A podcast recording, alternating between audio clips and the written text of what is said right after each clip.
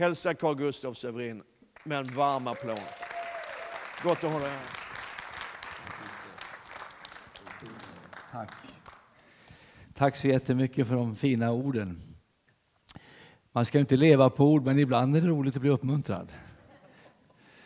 Ehm, jag heter Carl Gustaf Severin. Jag, är, ehm, ja, jag ska bli 70 år nu faktiskt i, om, några, om fem veckor. Och eh, jag är gift med en 70-åring. Så vi båda hamnat där och vi har aldrig varit det förut. Det är en ny upplevelse. Men väldigt härligt. Vi har fem barn och vi har 14 barnbarn. Det 15 kommer nu här om några veckor också. Så vi, vi är djupt välsignade på allt sätt. Och, eh, jag är pensionär egentligen, på pappret är jag pensionär, men jag gick ner på heltid då när för några år sedan. Och sen har vi bara fortsatt att resa och resa och predika evangeliet. Eh, min fru säger att jag ska aldrig få någon rullator, sa hon, du ska få en talarstol med hjul på, sa hon. Så att, det var ju en bra idé. Eh, hon tänkte du ska alltid få predika, tyckte hon då. Eh, men vi är jätteglada att vara här. Tack Christer än en gång att du inbjöd att vi fick komma hit. Och ehm, var här för många år sedan, åtta, nio år sedan tror jag vi var en gång här och predikade. Men det är så härligt att vara här. Jag åker ofta förbi Enköping, väldigt ofta ska jag säga. Mina barnbarn i Örebro så vi åker ju hela tiden förbi här och bara vinkar blir det ju så. Men att vara här idag och predika det är fantastiskt. Vi lever ju i en väldigt speciell tid nu. Jag vet inte om du har märkt att det är mörkt i världen. Det är otroligt mörkt. Det är krig, det är, det, det är ekonomisk kris, det, det, det, är nästan kris. Vi hör varenda dag. Så det är någon kris. Eh, så är det slut på en så börjar en ny. Eh, och, eh, och den här tiden då tror jag det är väldigt viktigt att man lär sig också att eh, det är en underbar, att man kan se det underbara som Gud gör. Och faktiskt är här är den bästa tiden egentligen för evangeliet att bli predikat. När det är mörkt då finns det ett ljus som ska tändas. För det folk som vandrar i mörkret ska se ett stort ljus. Eh, och, och, jag fick ett ord i somras faktiskt som har, delat, som har burit med mig när Jesus säger så här. Era hjärtan var inte oroliga. Era hjärtan var tro på Gud och tro på mig. I min faders hus är många boningar och jag går bort för att bereda er rum. Så det finns en himmel. Jag är så tacksam till Gud att jag är på väg till himlen. Och jag har bara fått det här också att unga människor ska få det här med himlen i sina hjärtan. Att vi inte lever bara för den här världen. Vi lever inte, det är en väldigt kort tid vi är här. Jämfört med evigheten vi ska tillbringa med Jesus. Och det finns ett rum i himlen för dig som är berett för alla. Vi har alla rum i himlen. Det finns en plats som är beredd och du kan få komma med till himlen. Så eh, jag tror att i den här tiden nu då så är det viktigt. Och jag ska bara dela, jag, jag brukar åka runt i, i Sverige ibland och predika i, i små församlingar. Jag, jag, tycker om att besöka, och jag fick en kallelse för några år sedan från en broder som heter Fiskolle. Han, han, är en väldigt speciell person. Han, han är, om du har sett honom så du kommer all, man kan aldrig gå förbi Fiskhål utan att bli imponerad. Han säljer fisk. Har gjort i alla år. Nu är han pensionär och så ringde han mig från oss och sa han, han ringde så här, hallå, hallå, hallå. Det är Fiskolle. Och är du här? Kan du komma på tältmöten, sa han. Vi är Missionskyrkan i, i, i ja, det, det, är ens, det, det, det, ens, man kan nästan inte, finns inte på kartan liksom jag slog, slog upp platsen på, på Not found står det på GPSen. Och där har vi en församling, sa han. Vi är åtta medlemmar, alla är inte aktiva, sa han. Tänk dig den tanken. Åtta medlemmar, alla är inte aktiva. Och de skulle ha tältmöten. Och så vi funderar på att köpa ett tält för, för 300, sa han. Men vi ångrade oss, ja, tack och lov, tänkte jag. Vi köpte ett för 400 istället, sa han. Det tycker jag är härligt, en församling har sådana visioner. Det var, det var, det var beyond budget nästan. Eh, och, eh, och, de, och så var du komma och predika och tänkte jag, min pastor sa du ska åka på det som är roligt, det som är viktigt. Så. Och det här låter ju väldigt roligt att få komma till en sån som vågar sig på en sån grej. Så eh, jag åkte dit då. Och när jag kom dit så tänkte jag, kommer det komma några folk? Och jag, jag, han gjorde en vägbeskrivning, för det fanns inte på GPSen. Och det var ute på landet utanför Alingsås. Risveden heter det. Och, eh, och ju längre jag kom ut, ju mer kor och mer hästar blev det och mindre människor. Och till slut så var det nästan tomt på folk, men bara skog och ängar Och så ser jag ett stor skylt, tältmöten. Tänkte det måste ju vara här, så jag stannade och körde in där och kommer upp en halvtimme innan mötet. fanns inte en människa nästan i, tält, i tältet. Och så kommer fiskålet till mig. Du kom, sa han. Ja, vill du ha en kopp kaffe? Ja, två koppar, sa jag. Det vore härligt att få. Så jag fick, satte mig och drack kaffe. Så kan du sitta här och dricka kaffe och så ska jag ta emot allt folket som kommer, sa han. Jaha, och vad är de, tänkte jag. Jag tog min första kopp och så ser jag en golf med två kvinnor kommer och åker. Halleluja, vi blir i alla fall två på mötet. Och så kom vi upp och så kom vi dit och när klockan var sju var tältet fullt. Och de bjöd alla på kaffe. Tänkte, och varm korv till barnen. Och när vi kommer upp där och så ser denna skara och så kom hon som skulle leda mötet, det är Eivor. Det är jag som sköter kaffet, men jag ska också leda mötet och ska leda lovsången också. Alla fick hjälpa till där liksom. Åtta medlemmar, alla inte aktiva, du kan tänka dig. Vilken aktivitet som på. Min man ska spela dragspel, han har haft fyra hjärtinfarkter, kan knappt andas. Men han ska spela dragspel. Så kommer det väl... Och jag tänkte, det här är det finaste som finns, en församling, en frikyrkoförsamling som har de här härliga människorna som vill arbeta för Gud. Hur jobbigt det än var, så nog skulle de ha tältmöten. För så har vi haft det i 30 år, så. I 30 år, så. Ja. Och vi, vi hade ett litet tält, men nu har vi köpt ett större tält. Jag förstår det. Men det var fullt. Nu har de sålt det och köpt ett ännu större tält, under 700. Jag var där i somras, det var fullt igen. Men nu är de 26 medlemmar, alla är inte aktiva, men halleluja. Det har ökat. Men tältmöten ska de ha. Och, och, eh, I alla fall, så det fanns inga hotell på bordet. där. det finns inga hotell när man är där. Men de har två missioner. Du får sova i missionshuset, sa han. Absolut, så jag sover vanligen. Jag är missionär, jag har rest till Ryssland i 40 år och jag kan sova på golvet. Nej, vi har en säng, sa han. Ja, det var ju fint. Och så kom jag in där så la jag mig i den här sängen, så kallade sängen. Och så ska jag bara, så jag skulle egentligen vilja lagt ut den här, så var det en tavla där som, jag har, som har följt mig i den här tiden, både i coronatiden och i, i den tid som vi lever i nu. Och, och eh, jag ska bara se om jag kan få fram den här. Eh, ska se här, en, en sekund bara. Det, det, är jobbigt med de här majpärrarna. De har egna liv, de lever egna liv de där. I alla fall, jag får ta det här. Jo, här är den. Så, så hängde det en bonad. Vet du vad en bonad är för någonting? Ni som kanske inte kommer från Sverige ni vet inte vad en bonad är, men förr så sydde man bonader som man hängde på väggen med, med nål och tråd och så fanns det ett budskap. Där hänger en bonad där missionshuset. Den ligger mitt långt ute i skogen. Det finns inga människor där, bara ett missionshus och så var det jag där. Och på natten när jag kom hem från tältmötet så läste jag den här bonaden. Så står det så här.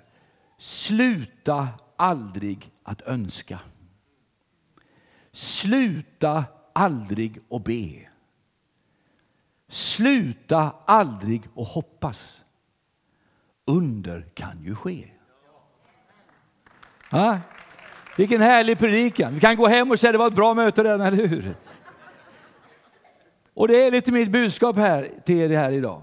I den tid vi lever nu, då har vi en väg. Vi kan gå till Gud. Vi kan söka Gud när allt är mörkt, när allt är svårt, när allt är jobbigt. Vi kanske bävar inför vintern och du undrar vad ska hända nu, vad ska ske med det? Sluta aldrig att önska. Vet du vad min bibel säger? Gör er inga bekymmer. Vilket underbart ord. Eller som det står i kinesiska översättningen, tillverka inga bekymmer. Vet du, man kan bli bekymrad för ingenting. Har du blivit bekymrad om du får ett symptom i kroppen någon gång? Nej, det har ni inte här i Enköping. Men man kan få, aj, det där, jag minns jag hade ett sånt där symptom en gång och så, så gjorde jag någonting som man kanske inte skulle ha gjort. Jag gick in på, på internet och googlade på symptomet. Det har aldrig du gjort, jag ser det på er direkt nu. Och jag sökte på, på nätet efter det symptomet då, och hittade det naturligtvis. då. Och vet du vad? Så står det så här, för vi klickar på den. Och när jag fortsatte att klicka på de där symptomen, när jag kom till tionde klicket, då var jag död. Det fanns, det fanns inget hopp för mig. Allt hopp var borta. Jag, jag satt där helt deppad. Nej, Det är inget fel att gå hem till Jesus, men jag vill inte hem nu liksom. Så kom Monica, min fru. Vad håller du på med? sa hon. Jag googlar på nätet här om Google, man kan, man kan ju se på symptomen här har i kroppen. Så tittar hon på Sluta med det där, sa hon. Googla i Bibeln istället, sa hon. Börja söka i Guds ord. Där har du löften, sa hon. Det finns många, det finns många diagnoser, men Gud har en prognos. Gud har alltid ett ord från himlen i varje situation. Och varje sak du möter i livet, du kanske har haft en jättejobbig vecka, du kanske har hört tråkiga budskap från det, men Gud har ett ord från himlen till dig här idag. Och det här ordet är, sluta aldrig önska. Gör alla era bekymmer kunniga för Gud. Du kan förvandla dina bekymmer till bönämnen. Istället för att oroa dig, oroa dig inte, var inte, era hjärtan var inte oroliga. Så kan du förvandla det du är orolig för till ett bönämne här på förmiddagen idag. Och du kan börja söka Gud. Och Vi ska ha förbön här i slutet av det här mötet och du kanske har en sak som verkligen är jobbig för dig. Vet du att sluta aldrig att önska. Men så säger gör det med åkallan och vad då?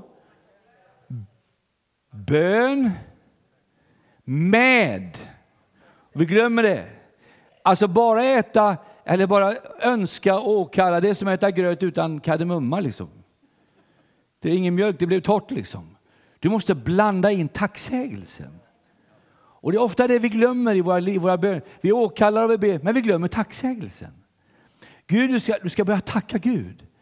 Börja tacka Gud för det du har. Börja vara tacksam för Gud du har gett dig. Börja tacka Gud för bönesvar. Kan få ett amen på det.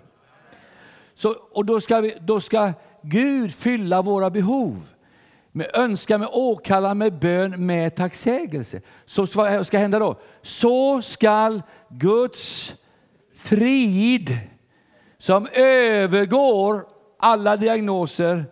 Har du hört de här? Det är ett faktum, säger folk. Fakta är, säger de. Det här är ett faktum. Då säger Gud, ja men sanningen är en annan. Faktum kan vara sån, men sanningen, det är den som gör oss fria. Inte diagnosen, inte faktum som allt. ja, Vi hade en gammal syster, härlig syster, hon kom till vår bibelskola på Livets Ord. Vi har ju öppet för alla. Hon var pensionär, hon var läkare i Kongo i många år som, eh, inom FN och hon var en väldigt skärpt kvinna. Så kom hon till mig och sa, kan man få åka på en missionsresa till Ukraina med dig? Sa hon. Absolut, så. Så hon åkte med mig och så skulle hon vittna där på mötet nere i Ukraina. Det är där kriget är just nu. Då. Och, eh, och vi stod där och så sa hon, ja, sa hon, jag kom till bibelskolan när jag var 75, sa hon. Och jag har gått där ett år och jag har en diagnos i min kropp, jag är läkare, sa hon. Och jag har läst alla mina läkarböcker. Och har läst dem i alla år. Alla mina böcker säger att jag ska sitta i rullstol, sa hon. Men jag har läst en annan bok nu, sa hon. Jag har läst en annan bok och jag har fått en annan prognos. Och hon är fortfarande frisk tror jag. Jag har inte sett det på några tag nu, men hon, hon, och hon predikar, hon står på. Det fanns en annan väg. Och jag vill bara säga till er, hur mörk den är, hur svårt den är, hur tufft den är för dig nu, det finns en väg. Sluta aldrig önska. Lägg fram dina önskningar inför Gud med åkallan och bön med, med tacksägelse. Och sluta aldrig att be. Det var som någon sa till min gamle pastor i Stockholm, Bror Spets. Det var han hette Lewi Petrus. Han sa till honom så här. I alla fall ingen som kan hindra en att be till Gud, sa han. Det är ganska skönt. Ingen kan stoppa dig för att be till Gud. Och när vi läser Bibeln om att vi ska söka Gud, vi ska be och han ska ge oss bönesvar. Visst är det fantastiskt att Gud har lovat oss bönesvar? Vi talar väldigt lite om det ibland i våra församlingar, men Gud svarar faktiskt på bön idag. Han gör under idag. Ja, man hör inte mina böner. Jo, han har hört dina böner. Men du ska bedja dem och du ska förvänta dig att Gud hör dina böner. Så sluta aldrig önska, sluta aldrig att be och sluta aldrig att hoppas. Jag tror vi har prickat, vi har prickat mycket tro, Christer, men har, ibland har vi prickat för lite hopp. Hoppet, det står att det är det sista som lämnar människan. Jag, jag sökte en gång på hopp faktiskt på Google också utan, om ordet hopp. Och jag tror att jag hittade kanske 100 000 sökningar. Nej, det var över två miljarder som, som det här ordet hade associerat. Så att det är någonting som människorna håller på med mycket. Folk behöver, idag behöver Sveriges folk hopp. Vi har en mörk tid. Man mördar svenskar bara för att de är svenskar i Bryssel. Varför vi ser saker som vi aldrig har sett förut i vår värld. Men vet du att i den här tiden måste vi predika hopp. Vi har ju en tältkampanj vi åker runt med i Sverige nu som heter Det finns hopp. Och vi var i lilla, jag pratade med Christian, vi var i Åsa här i, i lilla, Vär, lilla Värmland, så lilla Halland. Och hade tältmöte här för några veckor sedan. Och vi tänkte, kommer något folk? Det heter Det finns hopp. Första mötet var över 2000 människor. Sista mötet var 3200. Det var tre kilometer bilkö för människor att komma fram till tältet. Vi fick skjuta upp starten 20 minuter. Aldrig sett något liknande. Och vi var i Södertälje för några veckor sedan, hade predikat på torget där och vi såg en kö av unga människor som ringlades upp till kyrkan och ville ha förbön och ville bli frälsta. Vi ser en rörelse idag i den undre världen. En del säger att det är så mycket skjutningar, det är så mycket hemskt. Men vi ser någonting annat. Vi ser hopp. Vi predikar hopp till de här ungdomarna. Vi predikar hopp till de som, är, de som är på fängelserna, de som sitter inne. SIS-hemmen ska inte bli fyllda med SIS-folk. De ska bli frälsta, de här ungdomarna. De ska komma till tro. Prisat vare Herrens namn. Alltså jag berättar för Christer här också, jag måste bara berätta för Vi fick ett brev här från Tony Olsson, mördaren från Alexandermorden. Han skrev, jag läste boken med Sebastian Staxet, jag har blivit frälst, Och jag har blivit andedöpt också. Jag har en cellgrupp i fängelset nu också, det är väl bra. Där kan man ha verkliga cellgrupper, eller hur? Och jag kommer ut nu och nu vill jag hjälpa till att predika i tältet.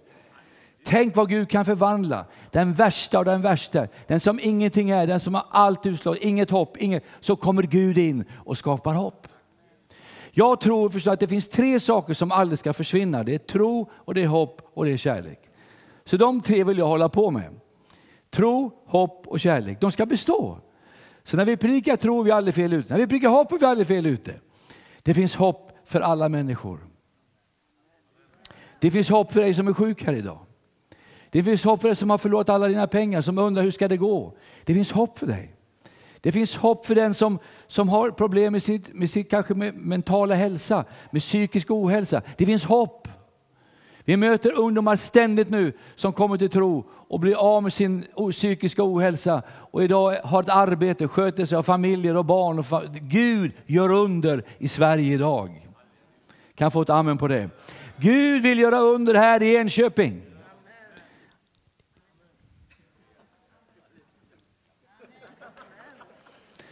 Det finns de som behöver höra det här i Enköping, att det finns hopp.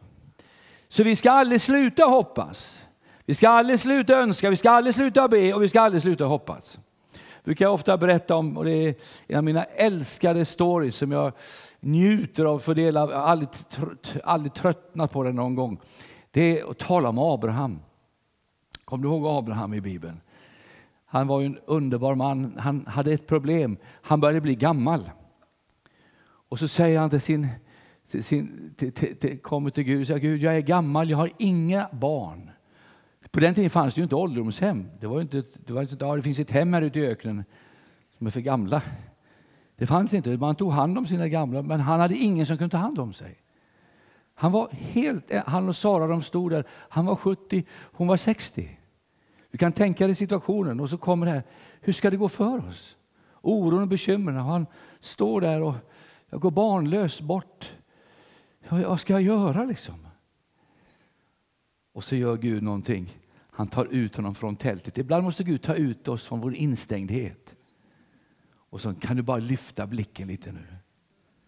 Ibland måste vi lyfta blicken. Och så kan du titta uppåt. Det är som att titta upp i kyrkan, i ena kyrkan. Det är stjärnor överallt här. Det här är ju fantastiskt. Hur många lampor finns det inte i den här kyrkan? Som drar ström.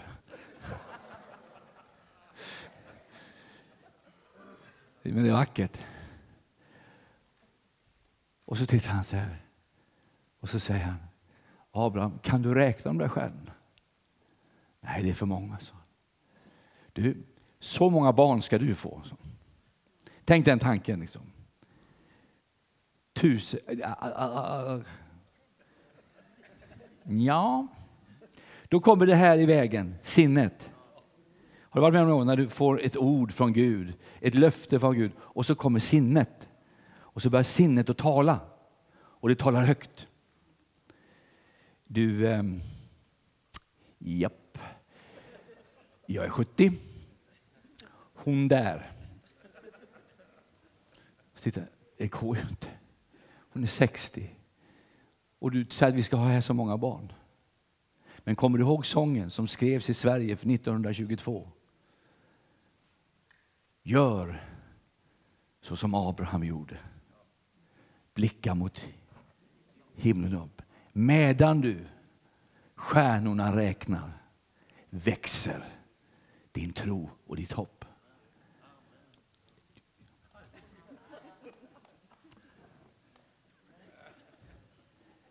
Jag prickar mig själv glad idag. Det är inte alltid jag gör det, men nu känner jag det här. Vi har alla våra områden vi kämpar med. Vi har alla våra strider. Ingen kom, ja, men jag har ingen strid. Vi alla är i en strid. Vi alla är i en storm ibland. Och är, det en, är vi inte en storm så kommer en storm förr eller senare. Och, och där, precis där klickade till i honom. Ja, men, så tittar han på stjärnan, så tittar han på Sara. Nej, det kommer aldrig gå. Käre Gud. Men så kommer trons ande över honom. Hoppet fylls. Och så säger han Amen. Må det ske mig. Och så går han därifrån. Problemet var bara att Sara blev inte yngre. Nej. Hon var fortfarande 60. Han var fortfarande 70. Och vad gör man då? Det var ju en, en, det finns en liten rolig historia om det där. Om, om en ängel som kom ner till ett 62-årigt par och, och sa att eh, ni ska få önska er vad ni vill, ni har, ni har ju bröllopsdag idag. Då sa hon, jag skulle önska mig guld, sa hon. Som Queen Elizabeth har, örhängen. Och bom så satt, satt ängeln guld i öronen på henne. Så, så vad säger du till mannen då? Jag skulle önska att jag fick en, en eh, 30 år yngre fru. Och han blev 93 år gammal på en gång. Aj då. Så man måste önska sig rätt saker liksom. Tänka vad man önskar. Specificera önskningarna. Det är budskapet. Men Abraham blev bara äldre och äldre, Sara blev bara äldre och äldre. Och till slut är han 90. Hon är 80. Sen blir han 100. Vad blir hon då? Det är bara enkel telemetologi här. 90. Och så kommer Gud på besök efter 30 år. Och så säger han så här. Nästa år, nästa år Abraham, ska du få en son. Wow! Och Sara står precis jämte där och rör lite mat, ska grilla lite lamm och grejer där. Och så hör hon det här. Att hon ska bli mamma. Det hade inte hon tänkt på tidigare. Det var en ny tanke. Tänk att få en sån tanke när man är 90. Tänk själv. Om ett år är du mamma. Japp. Vet du vad hon gör? Hon log, står det. Och du vet hur kvinnor ler när de inte tror. Käre Gud. Käre Gud, så du pratar.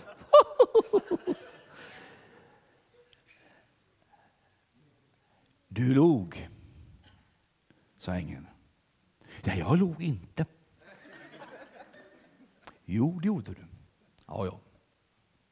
Det var som när, kommer ni ihåg Bror Spets i Stockholm? Du kommer ihåg en härlig pastor i Södermalmskyrkan. När hans hustru gick hem till Herren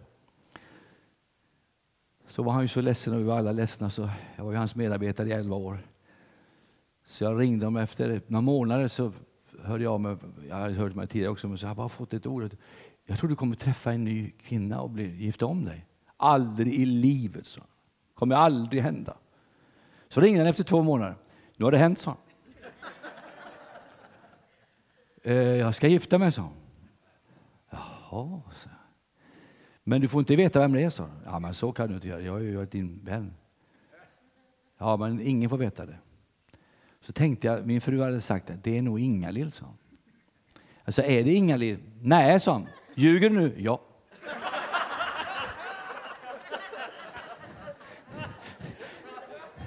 Ibland är vi sådär, liksom, vi, vi, vi vågar liksom inte hantera liksom det, situationen riktigt, så vi kanske inte är riktigt ärliga alltid. Så det är ganska gott hopp för oss också om vi inte alltid är ärliga.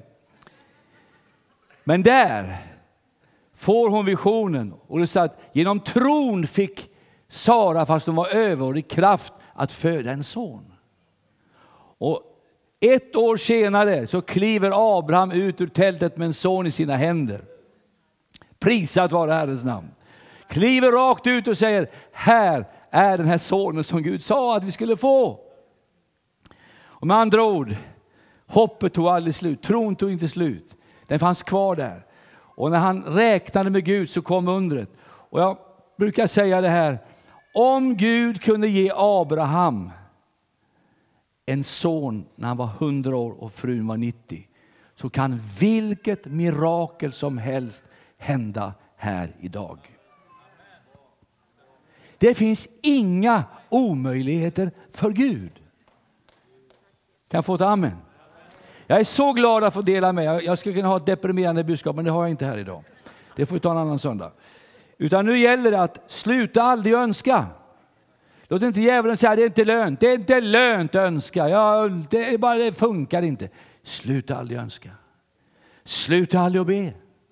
Sluta aldrig att hoppas på det omöjliga. Under kan ju ske. Det är fantastiskt att under kan ske.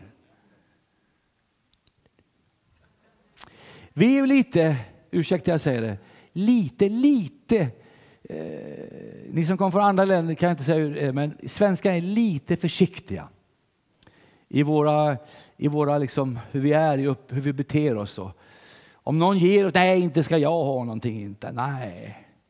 Inte, nej, nej, nej, nej, nej, nej, nej, kom inte sådär. Eh, jag brukar berätta den här storyn ibland när jag predikar om det, de här tankarna. Men det var ju så att vi var ett antal, nästan 40 år sedan, så var vi på bibelskola. Vi gick i Amerika min fru och jag, vi, tillsammans med ett äldre, annat par i Uppsala. Vi åkte dit och det var precis när Livets Ord började i början så vi åkte dit. Och, på Rema hette skolan. Och, och det var ju en utmaning att bo i ett annat land när man inte har någon inkomst. Det var tufft liksom. Sen någon sa så här, vill ni komma och äta mat hos oss? Vi bad ju aldrig över det, vi kom direkt. Liksom. Vi frågade, är det Guds vilja eller inte? Det var, vi kommer. Och de var ju så generösa med amerikanska vänner, så en dag så ringde ett, ett äldre par och sa, kan du, du och din kompis komma med och din, era fruar, ska vi bjuda på mat idag? Vi kommer, sa vi.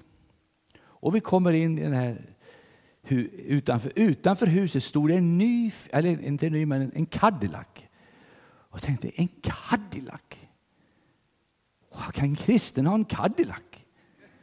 Jag hade en bil som jag behövde förbön varje dag.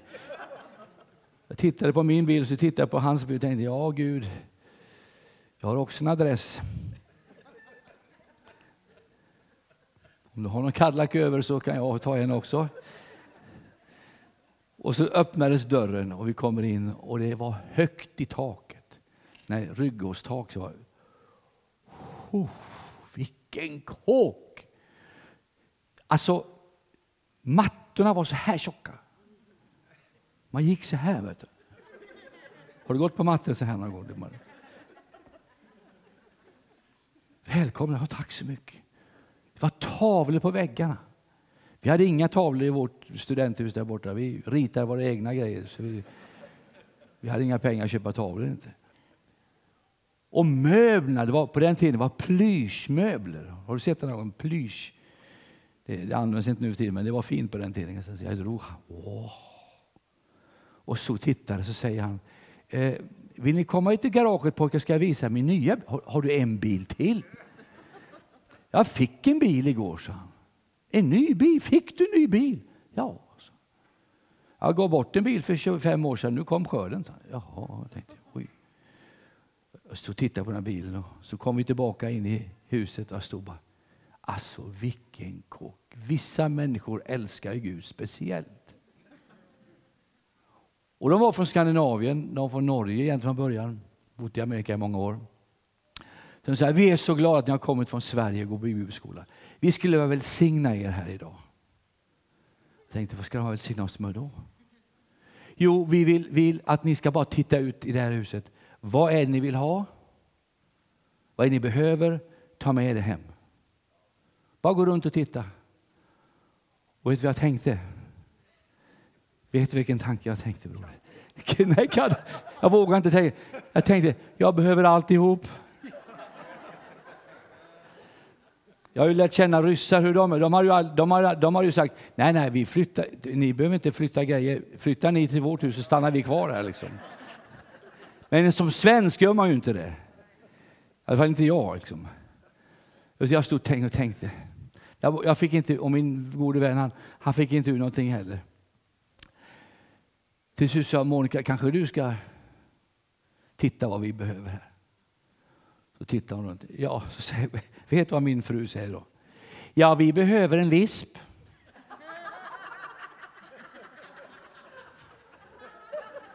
En visp. Och så, det behöver inte vara elektriskt, det går bara med handvev, sa hon. Det är typiskt svenskt liksom. Och jag bara säger nej, backa bandet. Kvinna, vad säger du? Så kommer hon med en handvisp. Ja, det har vi. Varsågod här. Och jag står. Och min fru körde hem bilen. Och jag satt i framsätet och jag tänkte jag behöver en äktenskapskurs här. Själavård. Jag satt och kör med den här vispen. Två håll, man kunde backa den också. Det var jättefint. Jag försökte hitta på så mycket positivt vi kan göra med det här. Ja, vi kommer att använda det här minst två gånger på ett år. När vi ska ha tårta och grejer. Och så tänkte jag, jag klarar inte det här längre. Sa Monica, varför sa du visp?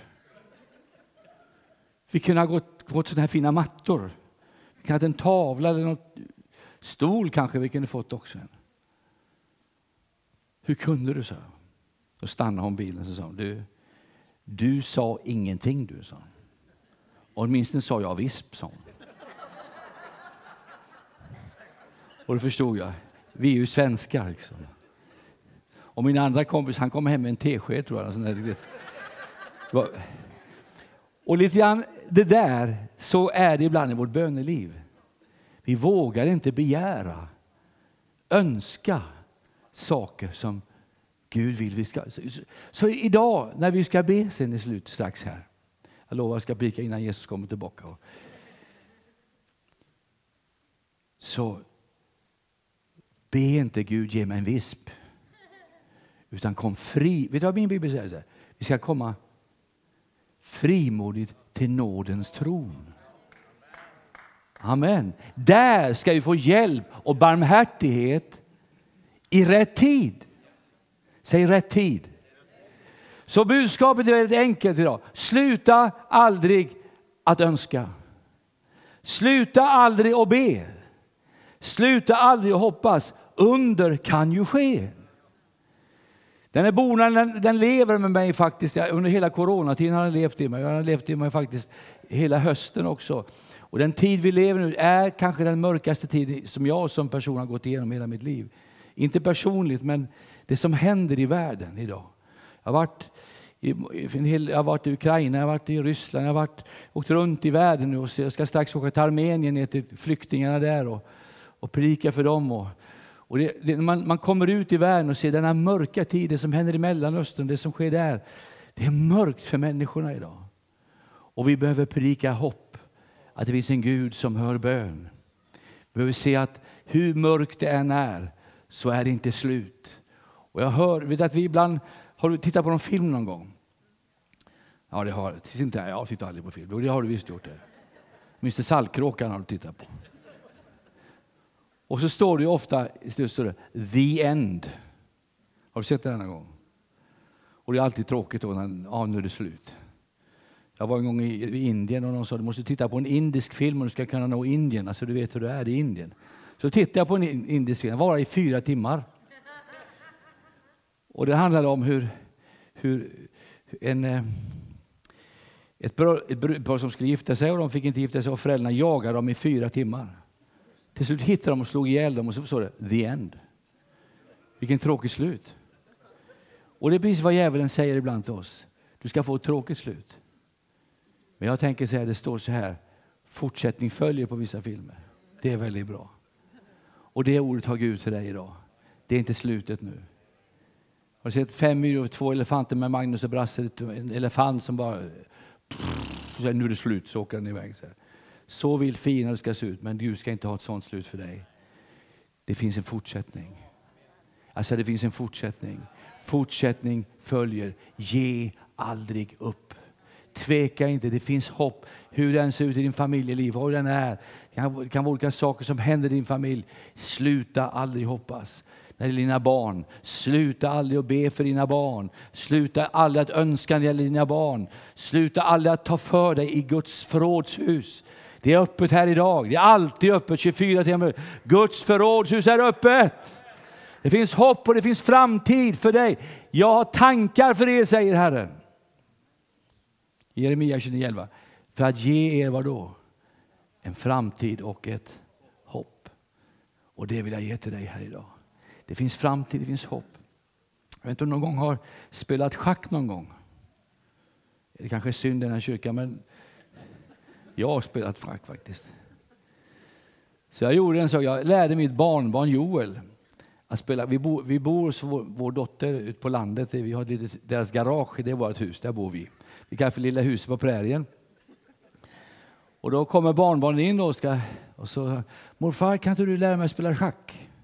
Och jag är ingen storspelare så utan men jag lärde dem att man flyttar bonden så, och man flyttar löpan så, och kungen och så lärde han oss spela schack.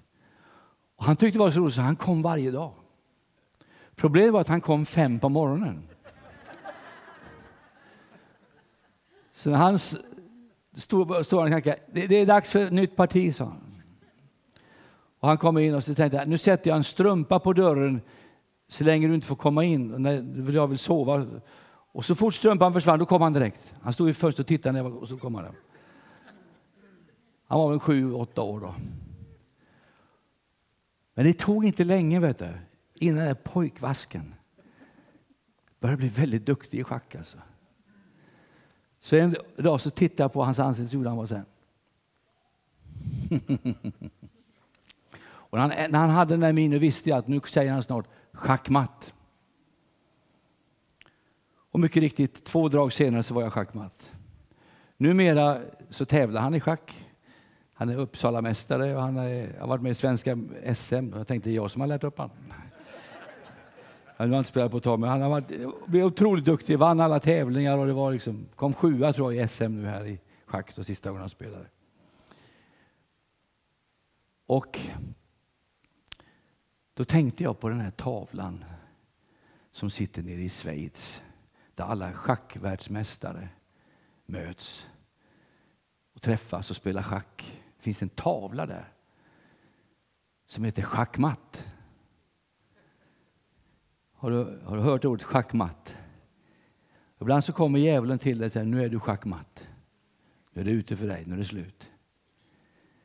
Och, eh, för många år sedan så var det en schackvärldsmästare som var spelare schack där. Så satt han och tittade på den här tavlan. Och det är, du kan titta på den på nätet, den, det, det, den är väldigt specifik på nätet. Det, det, är, det är djävulen som spelar schack med en ung pojk. Och så säger djävulen schackmatt. Och bakom så står det en ängel och tittar på honom. Det är en väldigt speciell tavla. Och en av de här världsmästarna som satt och spelade, han gick fram och tittade på den här tavlan, stod i flera timmar. Så tittade hur pjäserna stod på. Nej, sa han, han är inte schackmatt. Så säger han så här, kungen har ett drag kvar. Så. Och då tänkte jag, det är ju en predikan. Ja, det är en predikan. När allting är ute, när allting är schackmatt, då säger himlen till dig, nej, Våran kung Jesus Kristus, han har ett drag kvar. Det är inte slut, det är inte färdigt. Det finns ett drag från himlen kvar till dig i ditt liv. Hur den har det, var du än är. Det är inget djupt budskap idag, men det är ett viktigt budskap idag. Att vi vågar ge hoppet tillbaka till våra liv. Att vi inte dras in i de här nyheterna som går över hela världen och vi oroas varenda dag, bekymras varenda dag. Nej, i min faders hus är många boningar. Vi är här en tid, men vi, ska, vi är på väg till himlen. Och vi ska ha så många som möjligt med oss till himlen. Så Bibeln talar väldigt klart och tydligt om i första Petrus 5, ska sluta med dig. Kasta inte bort din frimodighet. Det är Hebreerbrevet 10. Det står att vi ska kasta alla våra bekymmer på Herren. Och det står i grundtexten så här, kasta, det är inte så här liksom, utan det är kasta med full kraft iväg dina bekymmer ifrån ditt liv. Om du kastar iväg skräp i skräptunnan, du slänger ofta iväg det. Vi ska slänga skräp, säger vi. Det är vad vi ska göra i våra sinnen. Släng iväg alla tankarna här uppe som tänker fel, som tänker negativt, som får att gå mot undergång. Nej, Gud har framgång för dig. Gud har seger för dig. I allt detta, säger Paulus. Alltså i allt detta, säger han, är vi mer än segrare. I allt detta vinner vi en härlig seger. Och det är inte jag som vinner det är vi som vinner den. Det är därför man behöver församlingen. Därför är jag så otroligt glad att vara med i en församling. Och är du inte med i en församling, gå med i en församling. Var med. Den är inte fullkomlig, men den är viktig för dig. Det är viktigt att ha gemenskapen. Det räcker inte med, med, med, med internet bara. Det är bra med internet, men det räcker inte. Vi behöver varandra. För det står i Bibeln, när, vi såg, när han såg bröderna så fick han nytt mod, sa Paulus. Man kan ju tappa mod när man träffar vissa människor i och för sig. Men det är väldigt sällan jag tappar mod när jag möter en människa. De flesta människor jag möter tror, så får jag bli glad när jag träffar Kristi idag. Jag fick nytt mod. Det var så underbart att bara träffas och prata lite. Man be, ja, men vi kan ju träffas på Facebook och Facetime och Face och Face och Face. Nej, jag gillar Face to Face. The real face är väldigt viktigt. Vi har ju alla gånger när vi, ska, jag lovar jag är på väg mot landning Christer, jag ska inte hålla på länge, nu är det bara två minuter kvar. Men det står om Paulus, det fanns tre bröder i hans liv som egentligen ingen predikar. Jag tror jag är den enda som har hört predika om det här. Utom Frank Mangs en gång för många år predikade om det. De heter Fortunatus, Akaikos och Stefanas. Inte Stefanus, utan Stefanas. Det står om att Paulus säger att de där bröderna är fantastiska. De har upplivat min ande. Det är sådana vi behöver vara idag. Jag kommer inte här för att avliva dig här idag, utan för att uppliva dig idag. Tankar för att bli upplivad, inte avlivad. En predikan ska inte avliva dig, den ska uppliva dig. När du kommer till Guds hus ska du bli upplivad, inte avlivad.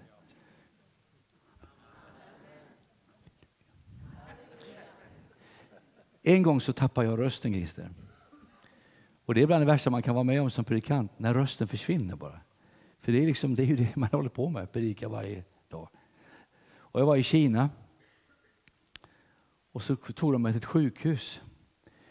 Och när jag kom in där och den här läkaren kom fram och talade kinesiska. Jag tänkte, vad gör du? Så kom fram en stor svart slang så här. Den här ska vi köra in i din mun hon, kommer hon såg ut som en slaktare. Och då ska vi ner i magen och ska vi titta där. Och jag blev ju frisk på en gång nästan. Jag tänkte, det var ju rent, rent otäckt var det. Men hon sövde ner mig bara och sen så när jag vaknade, ja nu är det klart sån. Och du har ett problem i magen som gör att du åker upp här och tar bort din hals, eller rösten. Då. Du får vara tyst, så. Kom hem. Tre månader skulle jag vara tyst. Nej. Jag, gick ut i, jag höll på i trädgården och höll på. Jag gjorde trädgården och trädgården och trädgården och trädgården. Så sa jag, Gud, det här går inte. Min röst är mitt liv. Vet du vad Gud sa till mig då? Nej, det är inte ditt liv. Jag är ditt liv, sa han. Du kan göra mycket utan att prata. Va? Och jag stod där och sa, ja just det. Jag kan, ju, jag kan krama om människor. Jag kan, det mycket göra utan röst. Sen då hade jag i alla fall en dag, en riktig depressionsdag. Jag tänkte, jag ska aldrig få predika. Det bara, det bara väste här. Det var sörväs liksom. Och så kom, det ringde på dörren. En av våra affärsmän i församlingen, han stod med blommor. Jag tycker inte om blommor egentligen. Jag tycker det, Det är inget fel på blommorna, men jag tycker det är bortslösa med pengar att köpa blommor. Då ristnar ju på två dagar. Liksom. Men många, det är tanken bakom dem. Så. så tittade han på mig och sa, om du satte honom på en plattform då skulle han dö av fruktan. Han har aldrig predikat. Han sa, jag har ett ord från Gud till dig Carl Gustaf. Du kommer få tillbaka din röst, säger Herren. Amen. Och så gick han bara. Två dagar senare fick jag tillbaka rösten. Det var en enkel broder som upplivade, gav hopp och tröst. Det är sådana vi ska vara i våra församlingar. Vi behöver det nu i Jesu namn. Amen. Ska vi stå upp inför Herren? Ska vi ta fram lovsångarna också? Prisat vare Herrens namn. Kanske är du här idag och du har, du har problem här. Du kanske är här i fruktan, du är i ångest. Du kanske är, har fått ett tråkigt besked av någon, någon orsak. Och livet håller, du är under attack. Jag kom hit idag bara för att dela det här ordet med dig. För du behöver hopp. Du behöver tro nu att Gud inte lämnar dig, han överger inte dig. Han är här i ena kyrkan den här söndagen. Han vill möta med dig just nu. Så om du bara känner att jag behöver förbön, bara lyft din hand där du står. Gud välsigna dig, Gud välsigna dig. Åh, det är många händer som går upp här. Tack Gud för era händer. Varenda hand är viktig inför Gud.